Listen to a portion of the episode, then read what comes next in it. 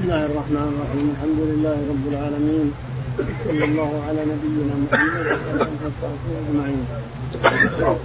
يقول الإمام الحافظ أبو عبد الله البخاري رحمه الله في صحيحه ونحن لا نزال في العتق وأنه عظيم وأنه حث عليه النبي عليه الصلاة والسلام وأن الله يقبله ويرضى عن صاحبه ويرفعه درجات ويعتق به عضو كل عضو بعضوه إلى آخره ولو كانت امرأة. رجل يعتق امرأة أو امرأة تعتق رجل الله تعالى يقبل هذا. يقول البخاري رحمه الله باب باب إذا قال رجل لعبده هو لله. باب إذا قال الرجل لعبده هو لله يعني فهو عتيق خلاص حر. ما يرجع يكون عبد خلاص. لله يعني أني اعتقته لوجه الله. حدثنا والإشهاد في العتق. والإشهاد في العتق. كونك تشهد تقول فلان وفلان اشهد أن عبدي حر خلاص يصير حر. قال حدثنا محمد بن لأجل الورثة لا يرجعونه إلى الموت بعد ذلك. يقولوا لا أبونا ما اعتقه يشهد عليه فلان؟ وفلان اشهدوا أني اعتقت عبدي فلان بن فلان. بعد ذلك لو يموت ما لاحد عليه سبيل. يقولوا نشهد أن أبوكم اعتقه أنتم ما لكم عليه سبيل. نعم. قال حدثنا محمد بن عبد الله بن نمير. يقول حدثنا محمد بن عبد الله بن نمير قال حدثنا محمد بن بشر محمد بن بشر قال عن إسماعيل بن أبي خالد. عن إسماعيل بن أبي خالد عن قيس بن أبي قيس بن أبي حازم عن أبي هريرة. عن أبي هريرة رضي الله تعالى عنه. نعم أنه لما أقبل يريد الإسلام ومعه غلام ضل كل واحد. لما أقبل يريد الإسلام ومعه غلامه أتى إلى النبي عليه الصلاة والسلام فأسلم أبو هريرة رضي الله تعالى عنه ولكن الغلام ضل. كل واحد ضيع الثاني. أبو هريرة ضيع عبده في البر. فهذا ضاع هنا وضاع هنا. لكن لما جاء أبو هريرة عند النبي عليه الصلاة والسلام وأسلم أتى العبد بعده بقليل فقال يا أبا هريرة هذا عبدك جاء. قال يا رسول الله هو حر لوجه الله. هو اشهدت أنه حر اشهدك أنه حر لوجه الله. نعم. قال فهو حين يقول يا ليلة من طولها وعنائها على انها قال فهو حين قوله يا ليلة من طولها وعنائها على أنها من بلدة الكفر نجتي لا أدري قال أبو هريرة ولا العبد لا يمكن العبد نعم. قال رحمه الله دثنا عبيد الله بن سعيد قال دثنا أبو سامة قال دثنا إسماعيل عن قيس عن أبي هريرة رضي الله عنه قال لما قدمت على النبي صلى الله عليه وسلم قلت في الطريق يا ليلة من بولها وعنائها ألا أنها من دارة الكفر نجتي قال وأبق مني غلام لي في الطريق. قال فلما قدمت على النبي صلى الله عليه وسلم بايعته فبين أنا عنده اطلع الغلام. فقال لي رسول الله صلى الله عليه وسلم يا أبا هريرة هذا غلامك. فقلت هو حر لوجه الله. فاعتقته لم يقل أبو كريب أنا أبي أسامة حر. يقول البخاري رحمه الله حدثنا عبيد الله بن سعيد. عبيد الله بن سعيد قال حدثنا أبو أسامة. أبو أسامة قال حدثنا إسماعيل بن أبي خالد. إسماعيل بن أبي خالد عن قيس بن أبي حازم. قيس بن أبي حازم عن أبي هريره أبي هريرة. رضي الله تعالى عنه أنه كان عند النبي يقول أنه جاء إلى النبي عليه الصلاة والسلام مسلما. وهذا قد يكون فيه معارضة لأن أبا هريرة رضي الله عنه اتاه وقومه دوس وكان النبي عليه الصلاة والسلام بخيبر وأسلم في خيبر. فلا أدري كيف الطريقة هذه الذي الطريقة التي أتى بها البخاري. ابن إسحاق وغيره من المؤرخين قالوا إن دوس قوم ابي هريرة أتوا إلى النبي عليه الصلاة والسلام بخيبر وأسلم أبو هريرة وقومه بخيبر ولكن الرسول ما قسم لهم. الرسول عليه الصلاة والسلام قسم لأصحاب السفينتين جعفر رضي الله تعالى عنه ومن معه وأبو موسى الأشعري ومن معه. أما دوس فلم يقسم لهم مع إنه أسلموا مع إنهم أسلموا بخيبر. فكيف يرجع يقول يقول إنه أتاه في المدينة وأسلم وظل مع عبد لا أدري عن هذه. لما أقبل يريد الإسلام في إيه لكن أسلم بخيبر. كانوا بالمدينة. إلا كان الرسول بخيبر. أسلموا قومه يعني يقول هو وعبده لحالهم. وعبده ضل عنه هذا ضاع وهذا ضاع هذا راح هنا هذا راح هنا ثم بعد ذلك أبو هريرة جاء إلى الرسول عليه الصلاة والسلام وجلس ثم بعد قليل اتى العبد اتى العبد وقال الرسول يا أبا هريرة هذا عبدك جاء. ومشكلة البخاري أن عندنا ابن إسحاق في التاريخ والسير ما نلتفت ما نلتفت الاحاديث مع رأي ابن إسحاق في التاريخ والسير فقط. بس في التاريخ والسير ما أحد يفضل ابن إسحاق وغيره ومن صاحب السيرة. السيرة اللي تسمى عيون الأثر في سيرة خير البشر. هذا ولم المؤرخون هؤلاء ما حد يتعرفهم ولا حد يأتي إليهم حتى في التاريخ والسير فقط. وأما الأحاديث فكل محدث أصح حديث البخاري لا شك في هذا. لكن بالسير والتاريخ أن أبا هريرة رضي الله تعالى عنه أسلم بخيبر هو وقومه دوس. أتى هو دوس واسلموا بخيبر ولكن الرسول لم يقسم لهم هذا محقق ومر علينا وقراناه لأن الرسول عليه الصلاة والسلام رفض أن يقسم لهم من خيبر لكنه قسم لأصحاب السفينتين جعفر بن أبي طالب رضي الله عنه وابي موسى الأشعري والأشعري 150 نفر سفينتين وردوا عليه بخيبر وأعطاهم قسم لهم. أما أبو هريرة ودوس وهم جاءوه من قريب يعني فلم يعطهم شيئا. هذا اللي حصل. وأن أبا هريرة أسلم في تلك الساعة. فكيف يضيع عبده وهو مع قومه؟ وكيف يأتي إلى الرسول ويسلم ثم يأتي عبده بعد يقول هذا عبدك؟ هذا كله لا أدري. نعم. أبو هريرة يقول قلت في الطريق يا ليلة من طولها أبو هريرة يقول ليلة يا ليلة من طولها وعنائها على أنها من بلدة الكفر نجتي. هذا إن كان وحده ومن كان مع قومه نعم. قال رحمه الله دنا شهاب بن عباس قال حدثنا إبراهيم بن حميد عن إسماعيل عن قيس قال لما أقبل أبو هريرة رضي الله عنه ومعه غلام يطلب الإسلام فظل أحدهما صاحبه بهذا وقال ما إني أشهدك أنه لله. يقول البخاري رحمه الله حدثنا شهاب بن عباس. شهاب بن عباس قال عباس. إبراهيم بن حميد. إبراهيم بن حميد قال عن إسماعيل بن أبي خالد إسماعيل بن أبي خالد بن أبي خالد عن قيس. بن أبي حازم عن أبي هريرة. هنا ما ما قال عن أبي هريرة. ما قال عن أبي هريرة؟ إيه قال إسماعيل يقول لما أقبل أبو هريرة ومعه غلامه وهو يطلب الإسلام فظل. لما أقبل أبو هريرة يعني أنه يحكي أن أن أبو هريرة فعل وهو ينظر. ما أن ما أنه لا, لا ما هو عن نفس أبي هريرة. وانما هذا أبو هريرة فعل وهو ينظر. هذا أيضا يشك فيه. يشك في أن أبو هريرة فعل أفعالا ينظر إليها قيس بن أبي حازم. هذا أيضا يشك فيه. الشاهد أن أبو هريرة أتى إلى النبي عليه الصلاة والسلام وقد ظل عبده غلامه ظل ظله في الطريق. فأتى إلى الرسول وأسلم وجاء القصة وجاء بالابيات التي يقولها. ثم بعد ذلك أتى العبد وقال يا أبا هريرة هذا عبدك جاء. قال الرسول عليه الصلاة والسلام قال أبو هريرة أشهدك يا رسول الله أنه حر لوجه الله أنه لوجه الله. هذا الشاهد من الترجمة. أنه قال هو حر لوجه الله. هذا الشاهد من الترجمة. يعني حتى لو ما أشهد لكن الإشهاد أحسن. الإشهاد على العد الإشهاد على الطلاق الإشهاد على الرجعة والاشهاد على الخلع كله لابد منه. أحسن وأفضل. باب أم الولد. قال أبو هريرة رضي الله عنه عن النبي صلى الله عليه وسلم من أشراط الساعة أن تلد الأمة ربها.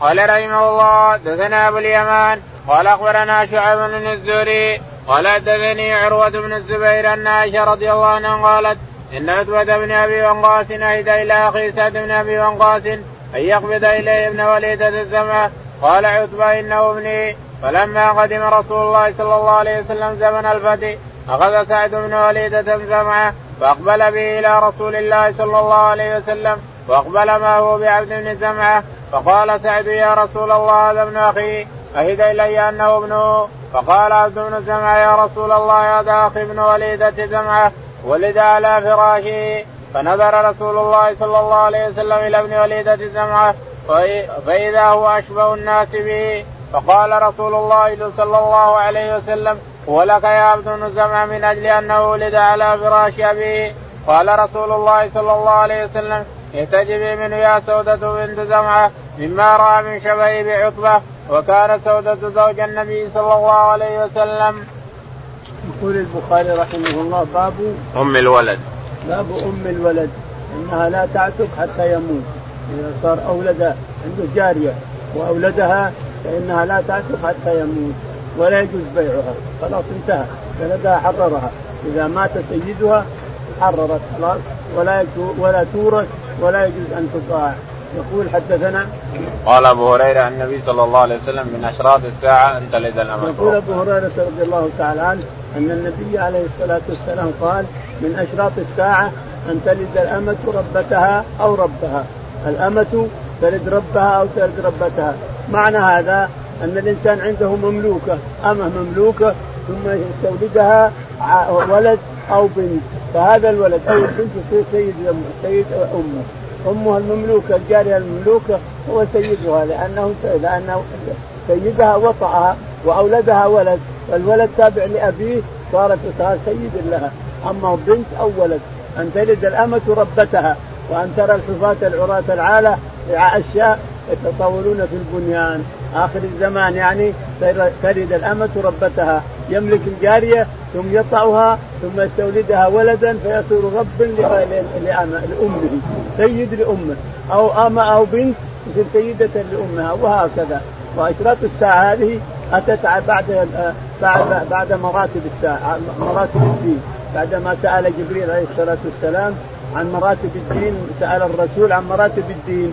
الإسلام والإيمان والإحسان انتهت مراتب الدين كلها. قال ما هي الساعة؟ قال لا ما أدري. متى قال لا أدري. قال ما أشراطها؟ قال أن تلد الأمة ربتها وأن ترى الحفاة العراة العالة. رعاء الشاء يتطاولون في البنيان. السؤال هنا لماذا جاءت أشراط الساعة الصغيرة اللي ما هي كبرى؟ جاءت في مراتب الدين. يقول إذا ضيعت مراتب الدين أتت الامارات هذه. إذا ضيعت مراتب الدين تجد هذه الأمارات تأتي. انظر الدين ضيع وذهب الدين خلاص وذهب الإسلام الحقيقي. ما يبقى من الإسلام إلا اسمه ولا من القرآن إلا الرسم بس. القرآن الرسم الرسم اللي بالمصحف فقط والإسلام ما بقي إلا الاسم. مسلم مسلم. وهو ما يدري عن الإسلام شيء ولا يفهم من الإسلام شيء اطلاقا. ما يبقى من الإسلام إلا اسمه ولا من القرآن إلا رسمه. الرسم في المصحف فقط ولا ما يدري عنه لا يعرف عن القرآن ولا يعرفون عن السنة ولا يعرفون عن شيء. اليوم هذا الإسلام لا يعلم لا يدري. ما يبقى إلا اسمه والقرآن ما بقي بين الناس إلا رسمه. وأن ترى الفضائل إلى آخره. قال حدثنا أبو اليمان. نعم. قال حدثنا أبو اليمان.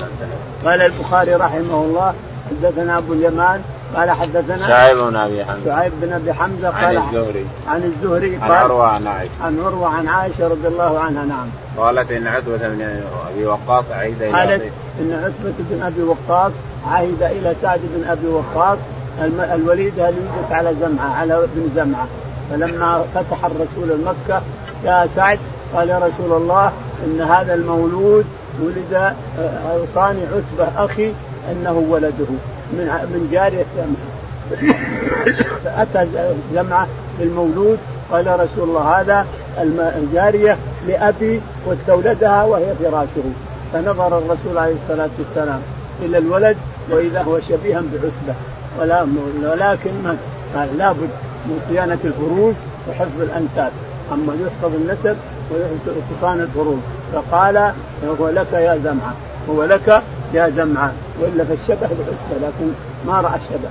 قال الولد للفراش وللعاهل الحجر حفظا للأنساب وصيانة للفروج نعم. باب بيع المدبر. قال رحمه الله دثنا آدم أبي قال دثنا شعبة قال دثنا عمرو بن دينار. قال سمعت جابر بن عبد الله رضي الله عنهما قال اتق رجل منا عبدا له عن دبر. فدعا النبي صلى الله عليه وسلم به فباعه. قال جابر مات الغلام عام أول. يقول البخاري رحمه الله حدثنا باب بيع المدبر. باب بيع المدبر. المدبر. حدثنا آدم بن أبي ياس. آدم بن أبي قال حدثنا شعبة. شعبة. قال عن عمرو بن دينار عن جابر. عن عمرو بن دينار عن جابر رضي الله تعالى عنه أن رجلا باع عبدا له عن دبر. دبر يعني دبره قال إذا مت فهو حر. إذا مت فعبدي حر. يعني إذا أدبرت عن الدنيا وأقبلت على الآخرة فعبدي حر. لكنه افتقر وصار يشحذ الناس.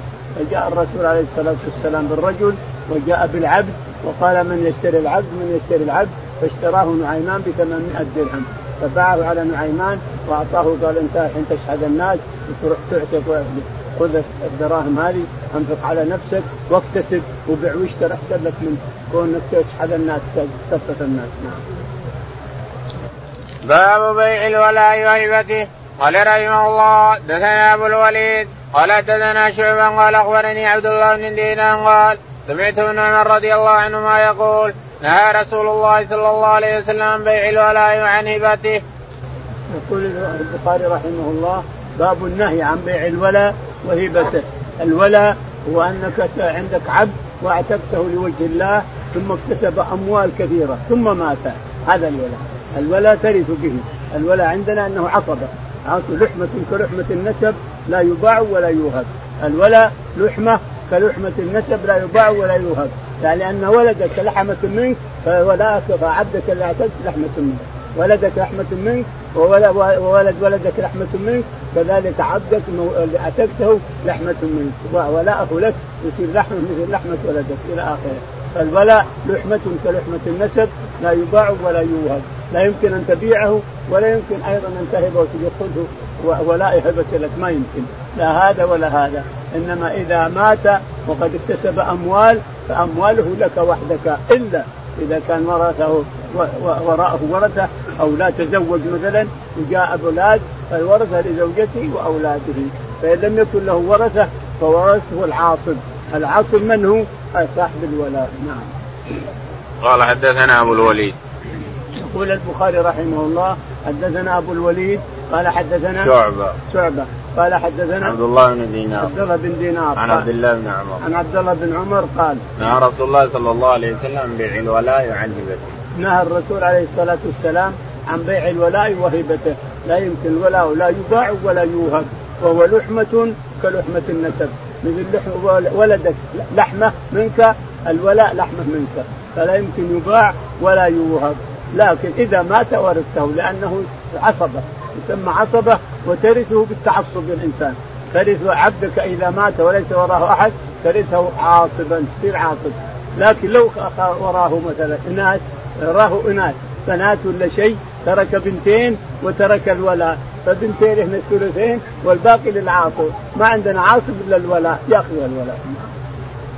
قال رحمه الله دثنا عثمان بن أبي شيبة قال دثنا جرير عن منصور إبراهيم الأسود عن عائشة رضي الله عنها قالت اشتريت بريرة فاشترط أهلها ولاها فذكرت ذلك للنبي صلى الله عليه وسلم فقال اعتقيها فإن الولاء لمن أعطى الورق فاعتقتها فدعا النبي صلى الله عليه وسلم فخيرها من زوجها فقالت لو اتاني كذا وكذا ما ثبت عنده فاختارت نفسها.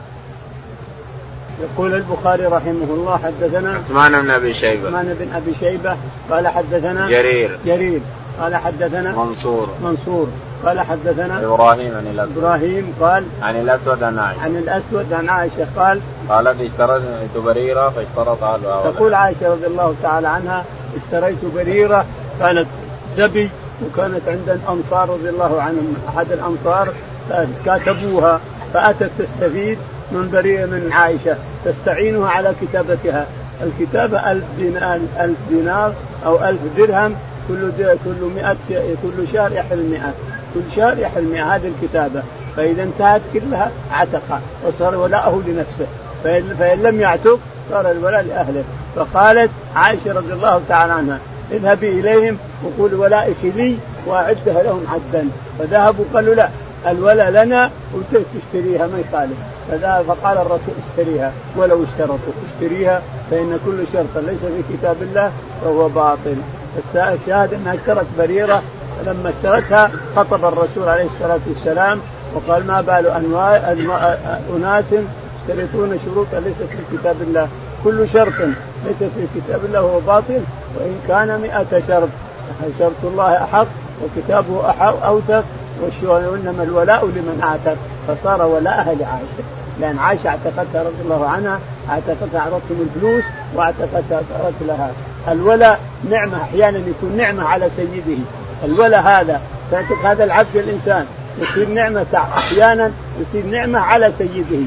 ما هي النعمة؟ يجد سيده قد يحدث حادث لسيده قد يسكن قد يحصل حادث قد يحصل شيء يقوم هذا بإذن الله إذا كان عنده مال أو كان رجل عظيم أو كان مفكر يفك سيده يفكه من السجن يفكه من الحوادث يفكه نعمة أحيانا يكون الولد نعمة لأنه لحمك له مثل مثل لحم ولدك. فيكون نعمة أحيانا الولد يكون نعمة ما هو بس الميراث. يعني الولاء الميراث لا شك في هذا لكن قد يكون اللي اعتق هذا يكون نعمة على سيده في حياة سيده وفي حياته هو عليه نعم. باب إذا اسر أخو الرجل أو عمه وليفادى إذا كان مشركا. وقال أنس رضي الله عنه قال العباس للنبي صلى الله عليه وسلم فاديت نفسي وفاديت عقيلا. وكان علي له نصيب في تلك الغنيمة التي أصاب من أخيه عقيل وعم العباس. قال رحمه الله دثنا إسماعيل بن عبد الله قال دثنا إسماعيل بن إبراهيم بن عقبة عن موسى بن عقبة عن ابن شهاب قال حدثني أنس رضي الله عنه أن رجالا من الأنصار استأذنوا رسول الله صلى الله عليه وسلم فقالوا اذا فلنترك لابن أخت لابن أختنا عباس فداه فقال لا تدعونه منه درهما. يقول البخاري رحمه الله باب باب إذا أسر أخو الرجل أو عمه هل يفادى؟ إذا أسر أخو الرجل أو عمه هل يفادى؟ يفادي نعم. إذا أسر أخوك الإنسان وأنت تستطيع فكاكه أو عمك وأنت تستطيع فكاكه انه فك الأسير. أثنى الله على ذلك. أثنى على من يفك الأسير ويفك السجين ويفك الأثنى ربنا وجعلها من المكرمات من المكرمات ومن الحسنات. الشاهد يقول إن العباس رضي الله عنه نعم.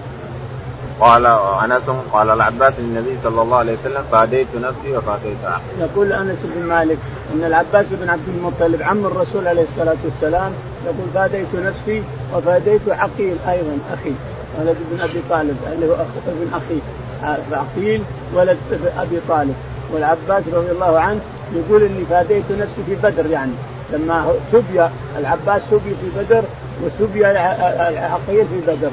ففداهما العباس وقال يا رسول الله ما عندي مال أنا. ما عندي مال. فكيف تجعلني أجل تكلم الأنصار لي ان لا يأخذون من كيف وين المال؟ اللي أنتم من فضل اخذته حتى في الخزانه لا نزال سبحان الله. سبحان الله. أشهد أن لا إله إلا الله وأنك رسول الله. ما اطلع عليه إلا أنا أم الفضل. هذا هو السر والله ما اطلع عليه أحد. إلا أنا ام الفضل أشهد أن لا إله إلا الله واشهد أن محمدا رسول الله. حينئذ عفوا عنه عفوا الابصار عنه واسلم عفوا عنه. الشاهد أنه يقول العباس الأنصار قبل أن يسلم قالوا إننا نفك ما, ما نأخذ منه شيء. قال لا لا تتركوني خذوا منه كل اللي يلزمه من أسره وأسر عقيل خذوه منه. لكن قال وكان علي له نصيب في تلك الغنيمة التي اصاب من أخيه عقيل وعمه.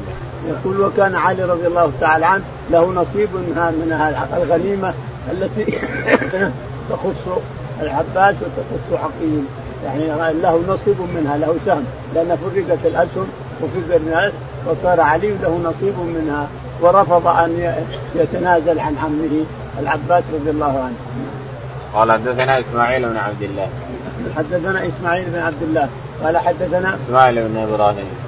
اسماعيل إسماعيل بن إبراهيم إسماعيل بن إبراهيم قال حدثنا موسى بن عقبة. موسى بن عقبة قال عن ابن شهاب. عن ابن شهاب الزهري قال عن أنس بن مالك. عن أنس قال أنه قال نعم. أن رجالا من الأنصار استأذنوا رسول الله صلى الله عليه وسلم فقالوا إذن فلنترك لابن أختنا عباس أن رجالا من الأنصار يعني اللي أسروا العباس اتركوا لابن أختنا يعني أن العباس رضي الله تعالى عنه هو ولد المطلب.